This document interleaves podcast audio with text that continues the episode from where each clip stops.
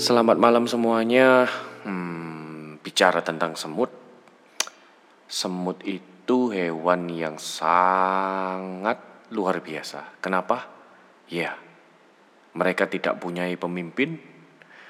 Mereka tidak ada yang nyuruh, tetapi tahu peranannya masing-masing.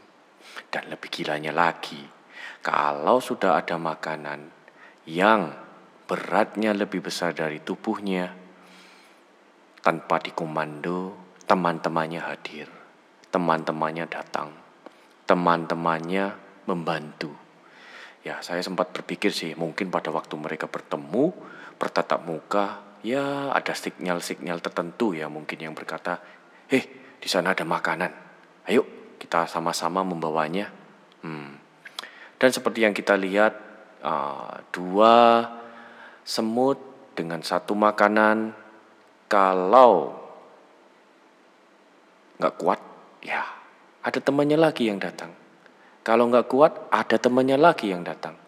Kita sering melihat kerumunan semut uh, dalam membawa satu makanan, entah itu uh, ukurannya ada yang besar, ada yang kecil. Kayak yang kecil mungkin uh, semut bisa membawanya, tapi kalau ukurannya besar, mereka bergotong royong untuk membawanya.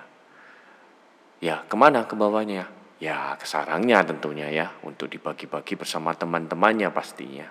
Dan itu luar biasa buat saya. Karena apa? Ya, gotong royongnya ada.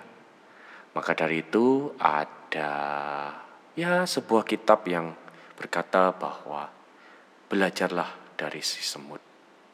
Yang tidak ada pemimpinnya, mereka menyediakan makanan pada musimnya mereka tidak mengeluh, mereka hanya bekerja, bekerja, dan bekerja. So, belajar dari semut hari ini luar biasa.